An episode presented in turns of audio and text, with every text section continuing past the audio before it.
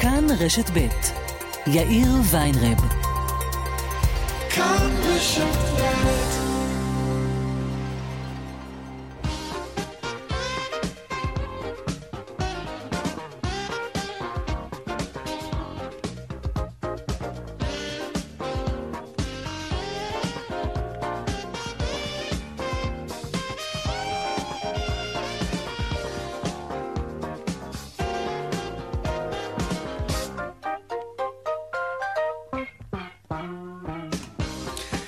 קצת אחרי ארבע ועוד חמש דקות, כאן צבע הכסף ברשת ב', יום ראשון, שלום רב לכם, שבוע טוב, העורך רונן פולק, בהפקה עמית כהן ונדב רוזנצוויג. טכנה השידור שלנו היום הוא רוני נאור, הדועל של צבע הכסף, אתם יודעים כסף, כרוכית כאן.org.il. אני יאיר ויינרב, מעכשיו עד חמש, אנחנו מיד מתחילים.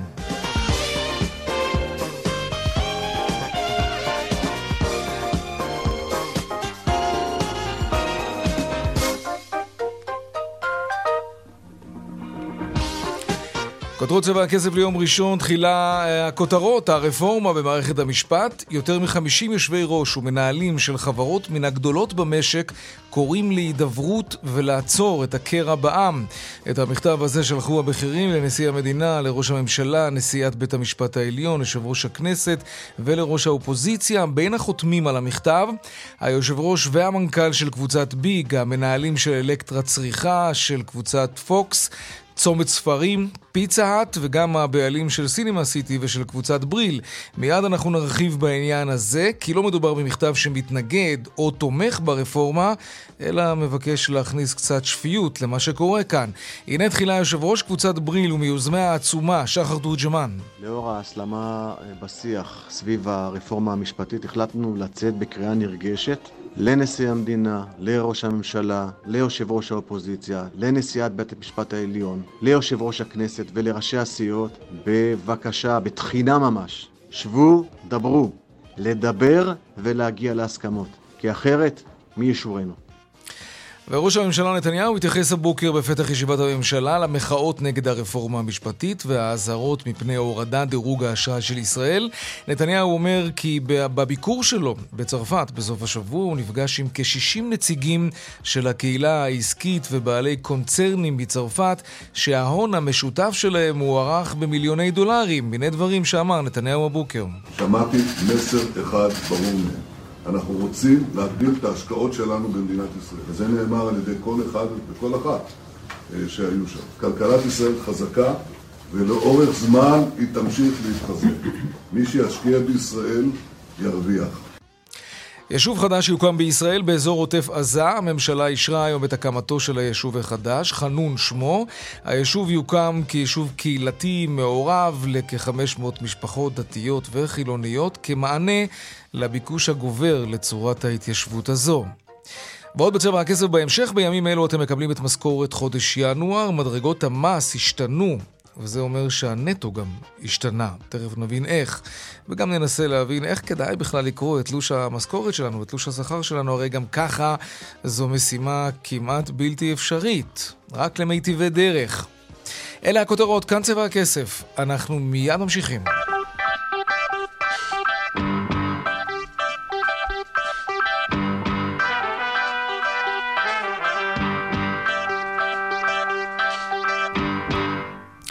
אז יותר מ-50 יושבי ראש ומנהלים של חברות גדולות בישראל, אה, הם כותבים מכתב מסוג אחר. הם לא ממש יוצאים נגד המהפכה המשפטית, הם גם לא ממש תומכים בה, אלא יותר מסתכלים על מה שהיא עושה עוד לפני שהיא בכלל הוגשה ואושרה כמובן. שלום אה, אבי שומר, מנכ"ל צומת ספרים, שלום לך. שלום וברכה, שלום וברכה. שלח, שלחתם את המכתב הזה בין היתר לנשיא המדינה, ראש הממשלה, נשיאת העליון, יושב ראש הכנסת, אה, ראש האופוזיציה. מה אתם בעצם אומרים שם במכתב הזה? אנחנו מייצגים את כל עם ישראל, הלקוחות שלנו זה כל עם ישראל. אנחנו, אין לנו צד פה, לא ימין, לא שמאל, לא פוליטי. וחשוב לנו מאוד uh, שנהיה מאוחדים ולא מקוטבים. מפריע לנו מאוד מה שקורה עכשיו, השיח המתלהם, הכעס, הרוגש של צד זה או אחר. ואנחנו חושבים שאנחנו רוצים באמת לגרום לכך שאולי נצליח להשיב את, את כולם ביחד ולהגיע לאיזושהי פשרה מוסכמת. שזה אומר מה, למשל? כלומר, כשאתם פונים לאותם אישים, קיבלתם תגובות? אתה יודע שאולי יש... הרי נשיא המדינה כבר ניסה ככה לחבר בין הכתבים. אנחנו מאמינים ש... שכל לחץ אה, ישפיע. זאת אומרת, זה מצטבר. פעם זה הייטקיסטים, ופעם זה סיירת מטכ"ל, ועכשיו זה אנחנו. ואנחנו, כפי שאמרתי, אנחנו באמת מייצגים את כל עם ישראל, שכולם נכנסים אלינו. ואנחנו שומעים גם מהם, אנשים מחפשים אחדות, לא, מח, לא מחפשים קיטוב. נכון שלכל אחד יש את הדעה שלו, יש כאלה שהם בעד, יש כאלה שנגד. ואנחנו מאמינים שאם כולם ישבו ביחד, הם יגיעו, בהחלט הם יגיעו לאיזשהי חושב... מתווה שיספק את כולם, אני בטוח. קצת ראייה פסטורלית מדי, זה קצת לשבת על הגדר, אה, סוג של נו נו נו כזה לשני הצדדים, לא להביע דעה. קודם כל, יכלנו לשבת על הגדר ולא לשלוח ולא נכון, אבל כשהוויכוח כל כך סוער, זה לא לשבת על הגדר. כשהוויכוח כל כך סוער, אולי דווקא כן צריך, אה, אתה יודע, אה, לחדד ולהגיד דברים ברורים כדי להביא להכרעה בעניין הכל כך מהותי הזה, בעד או נגד, זה לא משנה. רגע, אבל, אבל, אבל אז אנחנו לא בעד ולא נגד, אנחנו רוצים באמת שיהיה מתווה של פשרה, כי בעד או נגד לא תהיה פשרה. אם אתה בעד או נגד, לא תהיה פשרה. אנחנו מאמינים שאפשר להגיע לפשרה, אפשר להגיע לאחדות, אפשר להקשיב אחד לשני. אה, למדנו, מזמן כבר למדנו, שאם לא מדברים, לא מצליחים. ולשבת ולדבר, גם אם זה יתפוצץ פעם אחת או יתפוצץ פעם שנייה, בסופו של דבר יגיעו להסכם, אבל אם לא ידברו, זה לא יקרה. ואנחנו, בכוחנו הדל, אני מקווה שהוא לא כל כך דל, אולי גם אנחנו נעזור לכך שבאמת הם יבינו שהם צריכים לשבת ולדבר. תגיד, אה, בתחום שלך אתה עושה עסקים עם חו"ל? אני מניח שכן. בהחלט. כן. בהחלט. אתה, אתה מרגיש איזו, איזושהי דאגה, יש שאלות קשות, אתה נשאל מהקולגות מעבר לים לגבי מה שקורה כאן בארץ? אה, אנחנו מייחסים לעצמנו יותר מדי חשיבות, זאת אומרת, אה, כשאני מדבר, כן, הם בכלל לא, אה, בדרך כלל גם כש, כשמדברים איתנו על הסכסוך, הערבי-ישראלי, וזה אני מדבר כן. בכל הרצינות, הם לא מבדילים בין הערבים ל- ליהודים. זאת אומרת, יש סכסוך והם לא יודעים בין מי למי זה, אז בואו לא ניקח את זה כל כך שהם אה, מומחים ומבינים מה קורה. לא, אבל בענפים אחרים כן מספרים, ששואלים שאלות, פתאום אתה שומע פה מושכים את הכסף, פה ממליצים אולי לא להשקיע, מאיימים בהורדת דירוג האשראי, סתם מעניין אותי אם זה מגיע גם לתחום שלכם. הדבר היחידי בתחום שלנו היה כן. כשסופרת, שסל ירוני החליטה לא להוציא ספרה בעברית. זה קורה מפעם לפעם, שיש סופרים mm-hmm. שמחליטים לא להוציא בגלל לחץ, בגלל BDS ודברים כאלה. ועכשיו זה לא, לא קורה? לזה, מבחינה עסקית. לא, לא קרה בזמן האחרון, ומבחינה עסקית, לפחות עד עכשיו, לא שמענו שום דבר. אבי שומר, מנכ"ל צומת ספרים, תודה רבה לך על השיחה הזאת. תודה גם לכם. להתראות. בנק ההשקעות אה, הכי גדול בארצות הברית, ג'יי פי מורגן, אה, עשה כאן כותרות בסוף השבוע, אחרי שהוא ציין בדוח שלו שהרפורמה המשפטית בישראל עלולה להוביל להורדת דירוג האשראי שלנו. שלום אלדד תמיר, בעלים ומנכ"ל תמיר פישמן בית השקעות, מה העניינים? טוב, מה שלומך? בסדר גמור. מה, מה בדיוק אמרו שם בג'יי פי מורגן? מה שג'יי פי מורגן אמרו, ואנחנו צריכים שנייה לעצור רגע ולנסות להבין מה בעצם משקיעים מחפשים. אה, מה שמאוד מאוד חשוב זה ניהול הסיכונים. מה שבג'יי פי מורגן אמרו, תראו, יש שינוי משמעותי בישראל. יש ממשלה שרוצה לעשות שינוי די גדול במערכת המשפט. כרגע החוקים היחידים שעל הפרק זה לא איזה רפורמה מאוד גדולה, אלא סוג של שליטה של הרשות, אה, בוא נקרא לה, הכנסת ברשות השופטת. הניסיון בעולם הוא מאוד מאוד משמעותי. כלומר, בכל המדינות שקרה דבר כזה, כן. הכלכלות נכנסו לסחחורת ענקית, ותפקידו של בנק אה, כזה גדול הוא להזהיר את המשקיעים שלו, וזה מה שהוא עושה. כלומר, זה, זה מניסיון העבר, אה, לג... למשל מה שקרה בפולין, או בהונגריה, או מקומות אחרים, טורקיה, על זה כן. מסתמך, מסתמך, טורקיה, אה, אבל איך זה עובד בדיוק? כלומר, אה, ב-JP מורגן, מה, הם הם מתבססים על, על קריאה של קטעי עיתונות בישראל, על הלך הרוח, על מה שהאופוזיציה אומרת, על מה שנשיאת בית המשפט אומרת, לא, או לא, שהמשפטנים לא. שלהם מנתחים את זה משפטית ומגיעים למסק... למסקנה שמדובר בתהליכים שמרחיקים את ישראל מדמוקרטיה. אני, אני מנסה, לפני, שהם, לפני שבנק השקעות כל כך משפיע, מוציא דבר כזה, אני מנסה להבין מה, מהי עבודת הרקע שנעשתה. תראה, עבודת הרקע אה, למנהלי השקעות ולאנליסטים, שזה פחות או יותר המקצוע שלי, הוא לדעת הרבה, לקרוא הרבה, ללמוד הרבה, כן. ולהתייעץ עם מי שצריך. עכשיו תראה, הצעות החוק, לפחות בקריאה ראשונה, הן די פשוטות. כלומר, אין פה איזה, לא צריך אה, פרשנות משפטית. אם אה, הכנסת רוצה לשלוט, אומרת שהיא תמנה את כל השופטים בבית המשפט העליון, אז כרגע זה חד ערכי, כלומר, אין פה, אין פה הרבה פרשנות, זאת אומרת, שהרשות... הרשות אוקיי. ה... ה- ה- בוא נקרא המחוקקת רוצה שהיא גם כן נשלטת למעשה על ידי הממשלה במדינת ישראל, רוצה גם לשלוט ברשות השופטת. זה סיכון. בין אם הוא יתממש או לא יתממש, אנחנו לא יודעים, אבל צריך להבין שהציפיות לדברים, הציפיות לאינפלציה, הציפיות לשינוי בשער חליפין, הציפיות שמשהו רע יקרה, זה מספיק כדי לערער עד, עד היסוד את, ה, את הכלכלה. זאת אומרת, למה למשל יש ביטוי, מה שקרה בלימן, אוקיי? Run to the bank, שאנשים רצים לבנק, לא בגלל שקרה משהו, כי הם מפחדים. אז צריך להבין את הפסיכולוגיה של ויש ניהול בשפע סיכונים. פסיכולוגיה, כן. וואו, אוקיי. כן, כלכלה זה פסיכולוגיה. זה נכון. אה, בגלל זה זה מדעי החברה ולא מדעים מדויקים. בוא נשמע את נכון. אה, ראש הממשלה נתניהו לפני כמה ימים, כשהוא מתייחס בעצם לחששות ולאזהרות שהיו מפני משיכת השקעות בישראל. הנה.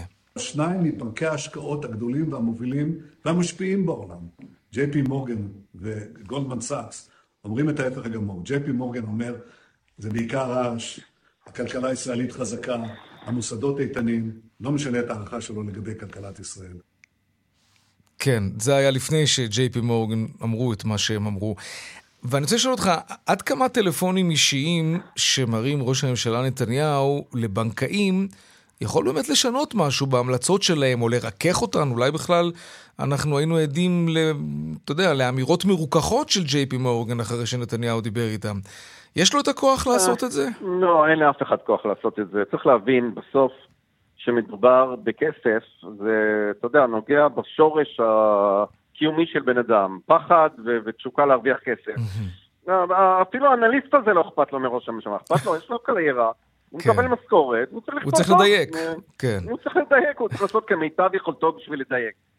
כי מדובר לא בפוליטיקה, לא בארגון פוליטי, מדובר בבן אדם שמנתח את הדוח, ויש שם עליו בוסים, הוא צריך לעשות את העבודה שלו, לא יעשה אותו, סתרו אותו. כן. כלומר, אין פה פוליטיקה בעניינים האלה, ובטח ובטח שלא כל הרעיונות האלה שראש הממשלה ידבר עם הבנקים, אתה יודע, זה קצת לא נעים להגיד, זה נשמע קצת מפאיניקי הדבר הזה, וזה כבר עבר מן העולם. איפה כן, זרקת כאילו. אותנו, כן.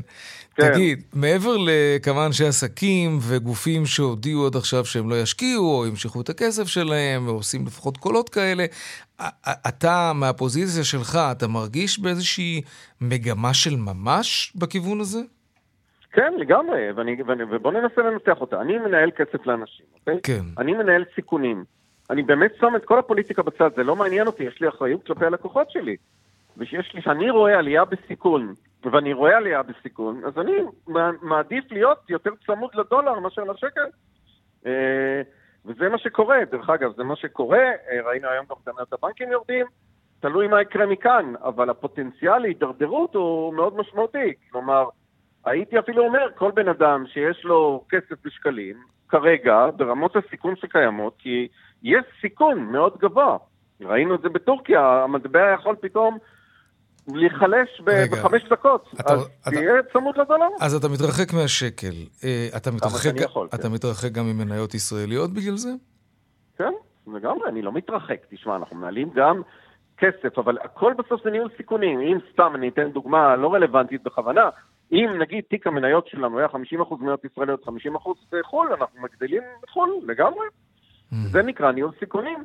לא אוקיי. בגלל שאני יודע מה שיהיה, אלא בגלל שאני, כן, מתוך אחריות, זה חייב. לנהל את הסיכונים. כן. כן. דרך אגב, וזה בסוף מה שעשוי להוביל לאיזשהו טלטלה. אני אתן דוגמה, מה שקרה בבריטניה, שראשת ממשלת- ממשלה עלתה ועשתה צעדים שהם לא הגיוניים בעליל אל מול הכלכלה, ובסוף, אה, אתה יודע מי ניצח, השוק, לא היא. נכון, נכון. תגיד, לסיום אני רוצה לשאול אותך, כי במקביל לפעולות האלה שאתה מעיד על עצמך שאתה מבצע, ולקולות אחרים שנשמעים, אה, יש גם קולות של, אוקיי, שיוציאו את הכסף שלהם מפה, לא צריך אותם, נסתדר בלעדיהם. אה, מה, מה, מה אתה אומר לאנשים שאומרים ככה? תשמע, מה זה יוציאו את הכסף שלהם? אני יודע, כל הניסיון הזה של אומרים תבהלה וזה וזה וזה, זה נחמד מאוד, אבל אין לזה שום משמעות. אתה יודע, אמ, אם אני אספר לך עכשיו שמחוץ לחדר שלך אה, יש אה, נמר רעב, אז אני מניח שאתה לא תמשיך להתנהל אה, כמו שאתה היום. זה לא יעזור, כל ה... להגיד אתם ואתם ואתם. זה לא, ההתנהגות האנושית של ניהול הסיכונים היא טבעית והיא הגיונית, ובסוף היא תגבר על הכל. ולכן אין כזה דבר, כלומר, אף אחד לא מוציא את הכסף בכלל, אנחנו לא מוציאים את הכסף לחו"ל, בטח לא בשלב הזה, אנחנו כולנו פה ואנחנו כולם חיים פה, אבל אי אפשר להתעלם מהעובדה שיש פה סיכון מאוד משמעותי. ואתה כן. יודע, לבוא ולהגיד שהוא לא קיים, הוא סוג שעוד יותר מפחיד אותי, כן? מילא כן. היו באים והיו אומרים, חבר'ה, יש סיכון, אנחנו ננהל אותו, אנחנו נדאג, אז לא. לבוא ולהגיד עוד אלף דוחות כאלה ואני לא אזיז לי כלום, זה, זה פשוט עוד יותר מפחיד אותנו כמנהלי השקעות, כי זה אומר שלא רק שיש סיכון, גם מי שמנהל את, הדברים מתעלם מהסיכון. אלדד תמיר, בעלים ומנכ"ל, תמיר פישמן, בית השקעות, תודה רבה. תודה רבה. על השיחה הזאת, להתראות. טוב, אה, שורה של הייטקיסטים בהמשך לשיחה הקודמת, כן, אה, עינת גז, תום אה, לבנה ועוד עלולים לעזוב את הארץ בגלל המהפכה המשפטית, כך לפחות השניים האלה העידו על עצמם. האם זה באמת כל כך פשוט לעזוב? כלומר, אף אחד לא מחזיק כאן, אף אחד בכוח כמובן, אבל עד כמה זה פשוט לקום וללכת סתם ככה. שלום בני טובי, עורך דין שותף בכיר, מנהל מחלקת מיסוי בינלאומי במשרד שקל, מה העניינים? שלום, מעולה, מה שלומך? על הכיפאק, מה צריך כל איש עסקים, אה, הייטקיסט, סטארט-אפיסט, לדעת לפני שהוא ככה מצהיר הצהרה, אני אה, לוקח את הפקלאות שלי מפה והולך, לא משלם מס יותר בישראל, עובר למקום אחר. אוקיי, אז, אז בעצם uh, המעבר מישראל וההפיכה לתושב חוץ, uh, כן. uh, זה לא הליך מאוד מאוד פשוט, uh, וכדי שאדם יפסיק לשלם מיסים בישראל, הוא חייב להפוך להיות תושב חוץ. כי כל מי שהוא מוגדר כתושב ישראל חייב במס בישראל על כל ההכנסות שלו.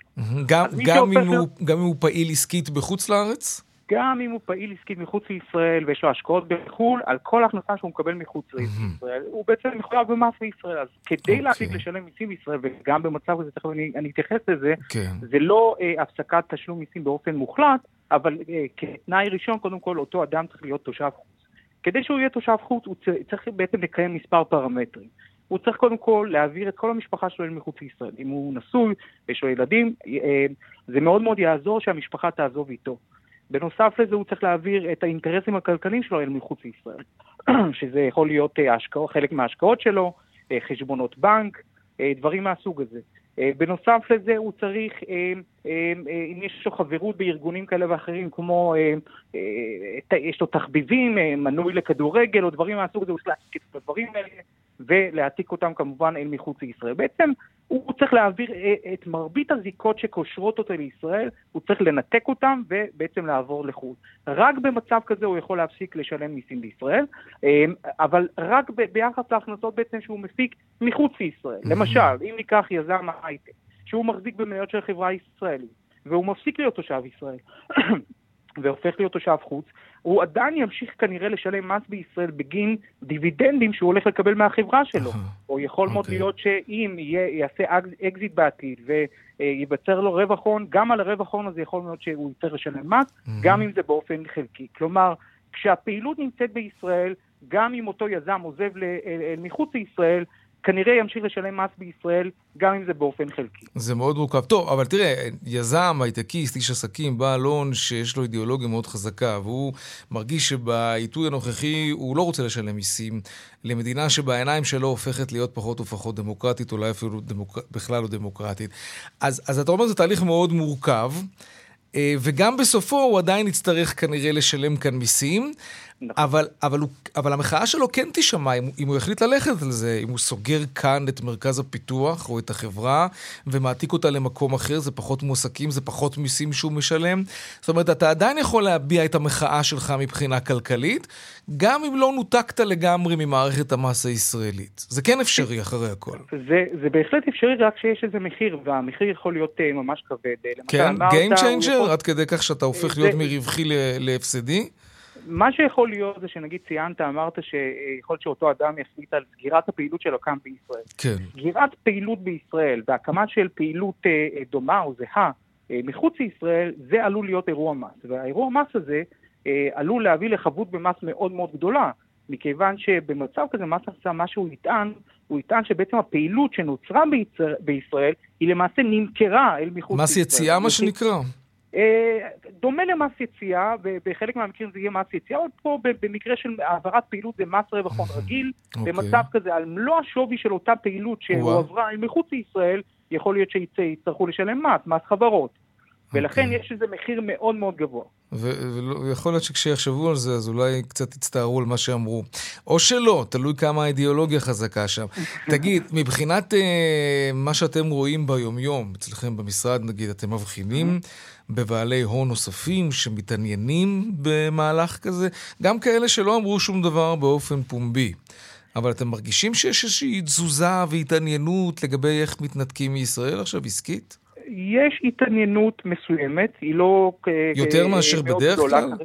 אה, כן, כן. בהתחלה, כשכל העניין התעורר, אז כן הייתה פנייה והתעניינות מצד... אה, מצד ולמה, אה, זה עניין שלנו. אידיאולוגי או שזה אנשים שחוששים שאנחנו נהפוך להיות מדינה שהיא כלכלית תהיה פחות חזקה ויציבה, ואז הם מבקשים פשוט להוציא מפה את העניינים? תראה, אני, רוב האנשים שפנו אלינו בעניין הזה, זה אנשים שיש להם ממילא זיקות בחו"ל, או השקעות או עסקים מחוץ לישראל, ואותם אנשים אה, לאור מה שקורה ולאור אי צביעות אה, רצון מבחינתם, אה, כן. ממה שקורה, הם רוצים בעצם לנסות לבחון את המגורים מחוץ לישראל, קרוב בעצם לעסקים שמנהלים בחו"ל.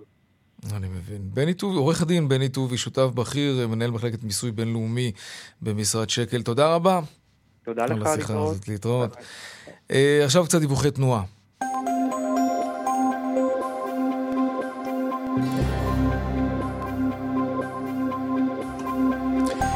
טוב, אז ככה, דרך החוף דרומה עמוסה ממחלף נתניה עד מחלף גשר השלום בנתניה, וצפונה מגעש עד נתניה. באיילון אה, דרומה עמוס ממחלף רוקח עד לגוארדיה, וצפונה, אה, צפונה התנועה זורמת. זה העדכון. עדכוני תנועה נוספים בכאן מוקד התנועה, כוכבי 9550 זה הטלמסר שלנו, אבל לא רק שם, גם באתר של כאן וביישומון של כאן. הפסקת פרסומות, ומיד אנחנו חוזרים עם עוד צבע הכסף, נדבר על תלוש השכר של חודש ינואר היה שינוי במדרגות המס, וזה אמור להשפיע על הנטו שלנו, לטובה, לרעה, תכף נדע, מיד חוזרים. וכאן גם צבע הכסף, ארבע וחצי עכשיו. אמ, נדבר על משכורת חודש ינואר עכשיו. אה, חלק כבר קיבלו את השכר, חלק בעוד כמה ימים. המשותף לכולם זה שצריך לשים לב לשכר הזה, בכל זאת למה? שלום עורכת הדין קשת סירוטה לוינר, מנהלת מחלקת מיסים במשרד אה, נשיס ברנדס אמיר. מה נשמע? בסדר גמור, מה נשמע? על הכיפאק. אה, אנחנו מדברים על שינויים בנטו שלנו, נכון? נכון. בגלל משהו שקשור למדרגות המס. תסבירי. Uh, התקבלה החלטה ברשות המיסים כן. uh, בתחילת ינואר, mm-hmm. שלמעשה אנחנו מרווחים את מדרגות המס. לשם הדוגמה, אם עד uh, בסוף 2022, על כל 6,450 אה, שקל שלך, כן. שילמת 10 אחוז, היום זה יהיה משהו כמו 6,800 שקל. אה, מדרגות יותר גבוהות, mm-hmm. שלמעשה, אה, בואו נלך קצת, נקפוץ ל-20-30 אחוז, אם פעם המדרגה הסתיימה ב-20,000 שקל, 620 ביחס ל-31 אחוז, היום רק מי שבעצם מקבל מעל 15,600 ועד 21,800 ייהנה משיעור המס הזה. אוקיי. אה, בשורה התחתונה בעצם, אנשים שיסתכלו עכשיו על הנטו שלהם צפויים לראות יותר כסף. נכון, הנטו יגדל. הנטו יגדל, וזה קשור לאינפלציה, למדד המחירים, למה שאנחנו רואים מסביב, להליכה היומיומית שלנו למכולת ולסופר. נכון, בדיוק, כן. כדי שקצת יהיה לנו יותר כסף להניע את הכלכלה. כן. אה, הגדילו את המדרגות המס. בואי ניקח כמה דוגמאות. במקום אה, לדבר באחוזים, ניתן איזושהי המחשה אה, עד כמה הנטו שלנו גדל בחלק. כמה דוגמאות פשוטות, אם אפשר, כדי שנרגיש את זה. בסדר גמור. אז למשל, תושב ישראל שהיום משתכר 10,000 שקל, ב-2022 אה, היה לו שיעור מס של 14 אחוז. Mm-hmm. היום אנחנו, בגלל נקודות זיכוי שגם גדלו, אה, ל-325, הוא יחויב בשיעור מס של 10%. כלומר, הוא ירד מדרגה. אוקיי, בנטו איך זה יבוא לידי ביטוי? כלומר, אם אנחנו לוקחים אה, עשרת אלפים שקל, בדרך כלל אנחנו ממש אה, על הקצה, הוא יחויב במשהו כמו 100 שקל. Mm, אוקיי, במקום כמה בעצם? במקום אה, אלף, במקום אלף שקל. גם נק... השילוב הזה של נקודות זיכוי. למה נקודות הזיכוי אגב השתנו? איך זה קשור? אה, הגדילו את נקודות הזיכוי עוד פעם, כי אנחנו רוצים לעודד. אה, זאת אומרת, זה לא עדכון אוטומטי, או שזה... לא, לא, זה לא עדכון אוטומטי. לא עדכון אוטומטי. לא, לא, זה גם החלטה יזומה של ה... של רשות המיסים, אבל זה לא משהו שהממשלה צריכה להחליט עליו, הרי בסופו של דבר זה פוגע בקופת המדינה, זה פחות כסף שנכנס ממיסים. רשות המיסים היא זו שיכולה לקבל החלטה עכשיו לרווח את מדרגות המס כדי להגדיל לאנשים את הנטו? כמובן שההנחיה היא הנחיה של uh, משרד האוצר. רשות המיסים היא בסופו של דבר uh, רשות מבצעת, mm-hmm. והמחשבה היא באמת uh, בסופו של דבר להגדיל, כמו שאמרת, את uh, כוח הצריכה, mm-hmm. כדי שנוכל להניע את המשק. אני יכולה להגיד לך שהריווח הזה, מן הסתם, הוא לא לגמרי אה, הולך לאיבוד מבחינת המיסים, כי המיסוי על חברות, או המיסוי על עסקים שנותנים את המשכורות האלה, הוא לא השתנה. אז אתה מעדיף בסופו של דבר למסות את החברות, mm-hmm. לראות איך אתה יכול להגדיל את המיסוי במישור הזה, וכשאתה מגיע לשכבות האלה למטה, כן. אתה נותן בעצם הטבה שהיא מתגלגלת לעוד הכנסה זה נכון, כי, כי אם יהיה לנו יותר כסף פנוי, אז אנחנו נקנה יותר. נכון. וגם כשאנחנו קונים, אנחנו משלמים הרי מס, וכשעסקים אז... מרוויחים יותר, אז משלמים יותר אנחנו מס. אנחנו מניעים את הכלכלה. מניעים את הכלכלה. בדיוק. כן, בדיוק. מעניין. טוב, יש, יש עוד איזשהו שינוי במדרגות המס שצפוי לקרות בקרוב, שאנחנו צריכים לדעת עליו? אני יכולה להגיד לך עוד משהו שהשתנה, ופה דווקא נגיד נתנו סוכריה למי שהוא בעל הכנסות גבוהות, נתנו, יש מס יסף, שזה מס שבעיקרון אה, משולם על הכנסה שהיא בממוצע 640 אלף שקל בשנה. Uh, כרגע העלו את המדרגה הזאת בצורה משמעותית, היא נושקת כמעט ל-690 אלף שקל. כלומר, נתנו פה גם סוכריה, עוד פעם, אולי מתוך אותה מחשבה, שישקיעו, יחזירו את הכסף הזה לתוך השוק, יצרכו יותר, ואולי כן. משם גם נצליח לגלגל, אז גם במישור הזה נתנו איזושהי הקלה מסוימת. אה, כדי שיוכלו את הכסף הפנוי הזה לעשות איתו דברים טובים. עורכת הדין אה, קשת סירוטה לוינר, תודה רבה לך. תודה רבה. להתראות. שבוע מבורך, תודה טוב, לך. אמן. ביי ביי. טוב, יישוב חדש יוקם בישראל באזור עוטף אה, עזה. כתבנו בדרום אסף פוזיילוב, שלום. שלום, שלום. יש הרבה ביקוש לגור באזור הזה.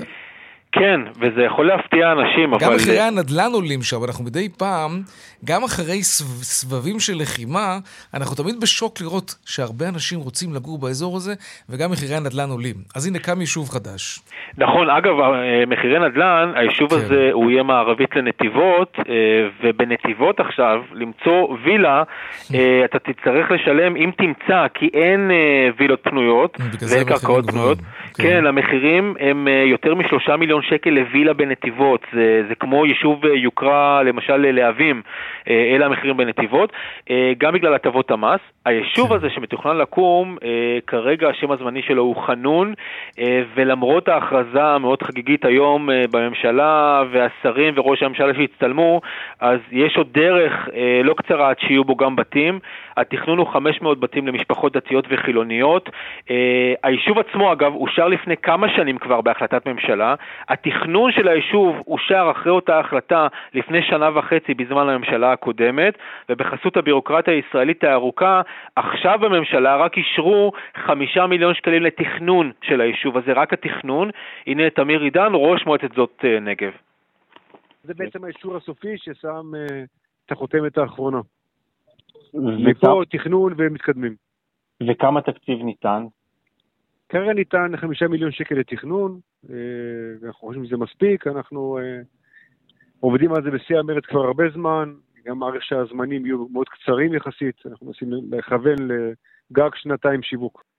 כן, אז בעוד שנתיים רק אפשר יהיה להתחיל את השיווק של המגרשים, ואז זה יהיה גם תהליך של עד שנה, ואז בנייה אה, של עוד שנתיים-שלוש, mm. ולצד הדברים האלה, יש גם מתנגדים אה, ליישוב החדש, דווקא מתוך אותה המועצה, מתוך אנשים שנחשבים אה, מאוד ציוניים, והם הגיעו למועצה כדי לה, להקים שם יישובים. למה? למה? אז הם אומרים קודם כל, כמעט כל היישובים בשדות נגב הם מושבים, אז מצד אחד מאשרים עכשיו יישוב חדש, אישור שלישי בעצם, הוא כבר אושר בעבר, מצד שני לא מאפשרים הרחבות למושבים הקיימים הקטנים, המושבים מזדקנים, במקום להביא לשם צעירים, המושבים האלה פשוט הולכים אה, ולאט לאט גוססים אה, בשנים האלה.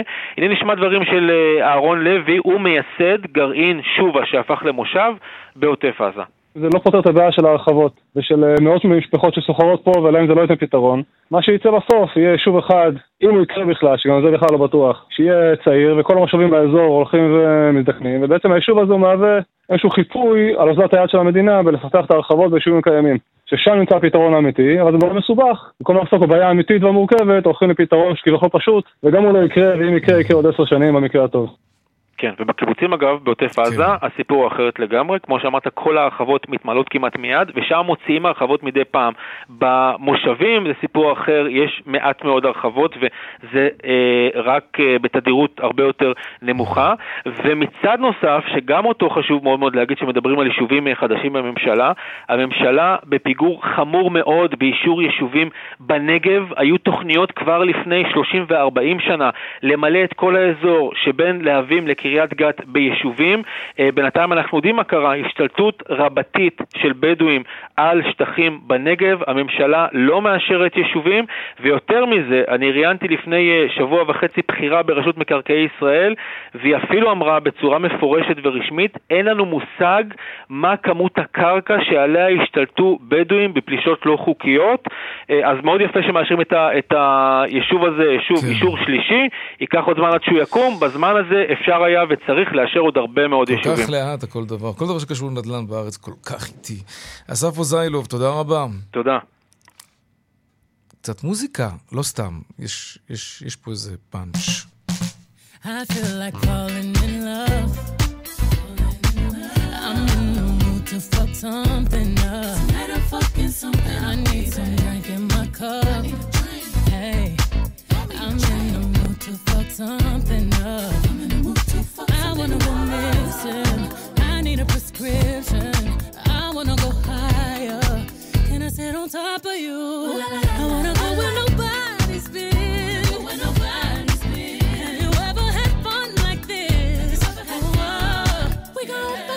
טוב, האחת והיחידה ביונסה. כן, סיבוב ההופעות שלה אחרי כמה שנים טובות שהיא לא הופיעה, היא הפציעה פתאום בדובאי, אתם זוכרים?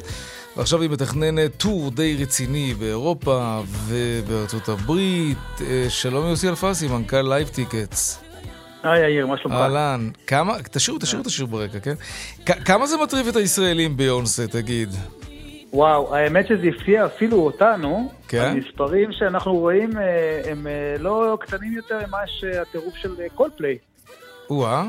הימים האחרונים היו ממש הזויים. מה, דבר אלינו במספרים. אמ, אנחנו מדברים על מאות בקשות אה, ביום שמגיעות אלינו, אה, עוד לפני בכלל אה, שהיו מועדים סופיים ולפני בכלל שיצאו במכירה. Okay. אוקיי. אנחנו התחלנו למכור ממש בסוף שבוע האחרון, ויש פשוט התנפלות.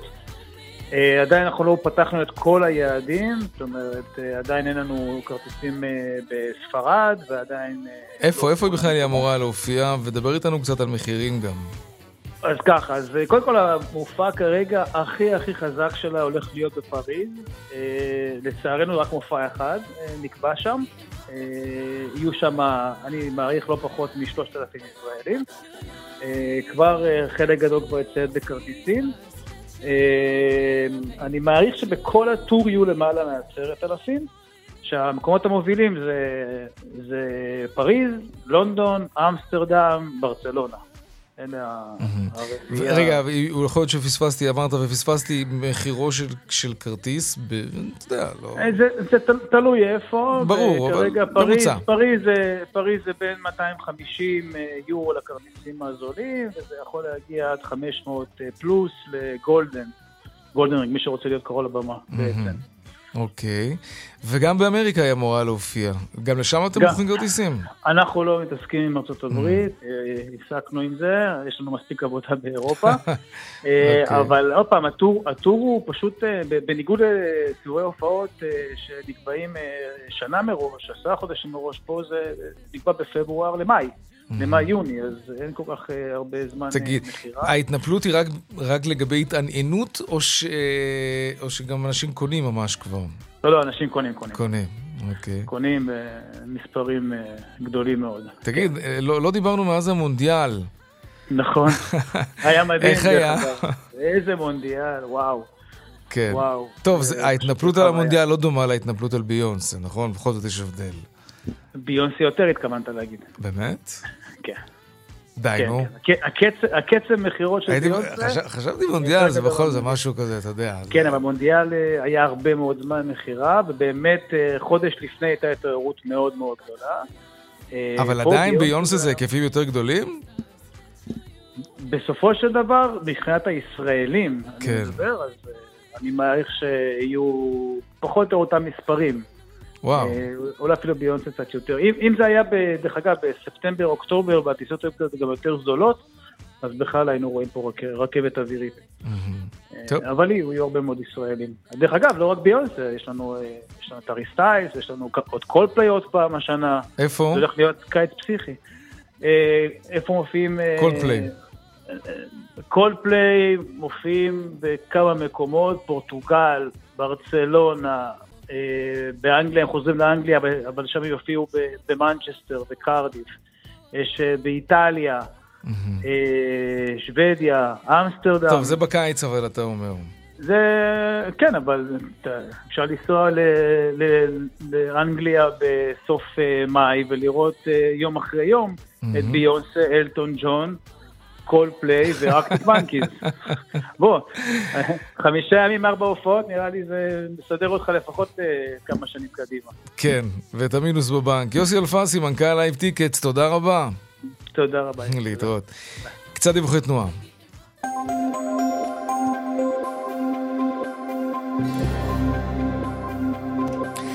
בדרך תל אביב ירושלים עמוס מקיבוץ גלויות עד מחלף שפירים. אה, דרך שש צפונה עמוסה ממחלף נשרים עד בן שמן ומקסם עד אייל, דרומה מנחשונים עד בן שמן. עדכוני תנועה נוספים בכאן מוקד התנועה, כוכבי 9550 ובאתר של כאן וביישומון של כאן פרסומות ומיד חוזרים לדבר על פאקו רבן שהלך לעולמו בגיל 88.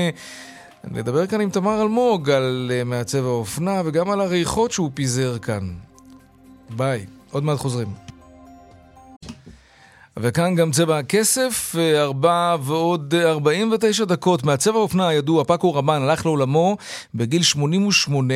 יש על שמו גם בשמים ואפטר שייב כידוע לכולם.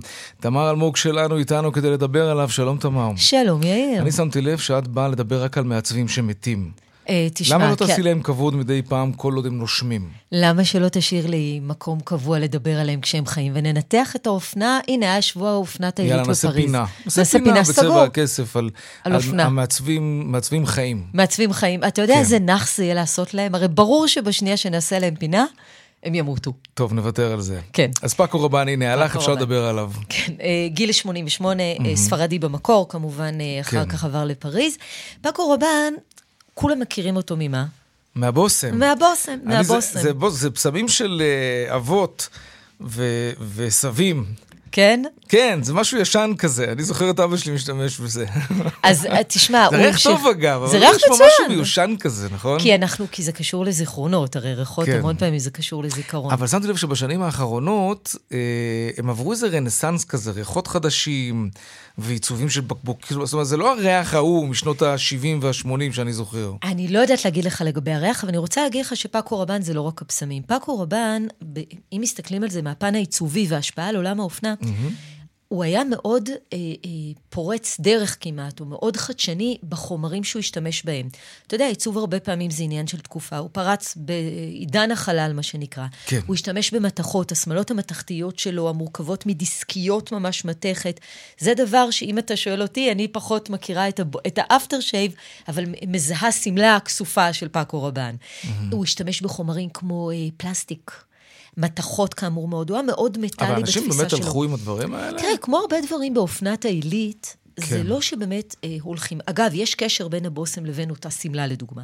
כי הרי מעלים בשבוע אופנת העילית, מעלים על המסלול, כולם מצלמים את זה, מדברים על זה, נכון. פעם היו כותבים על זה, ואז האדם הממוצע, או האישה הממוצעת, נאמר, שלא יכולה להרשות לעצמה את השמלה הזאת, או איזשהו פריט שלא רק שהוא עולה המון כסף, מחר הוא גם לא יהיה רלוונטי, אז מה היא תקנה? את הבושם, mm-hmm. או את הבושם לבן הזוג או לבן, ואו שהיא תקנה אה, ארנק או תיק, תלוי באיזה מותג. יש מותגים שבונים יותר על הפסמים, יש כאלה שיותר על משקפי השמש.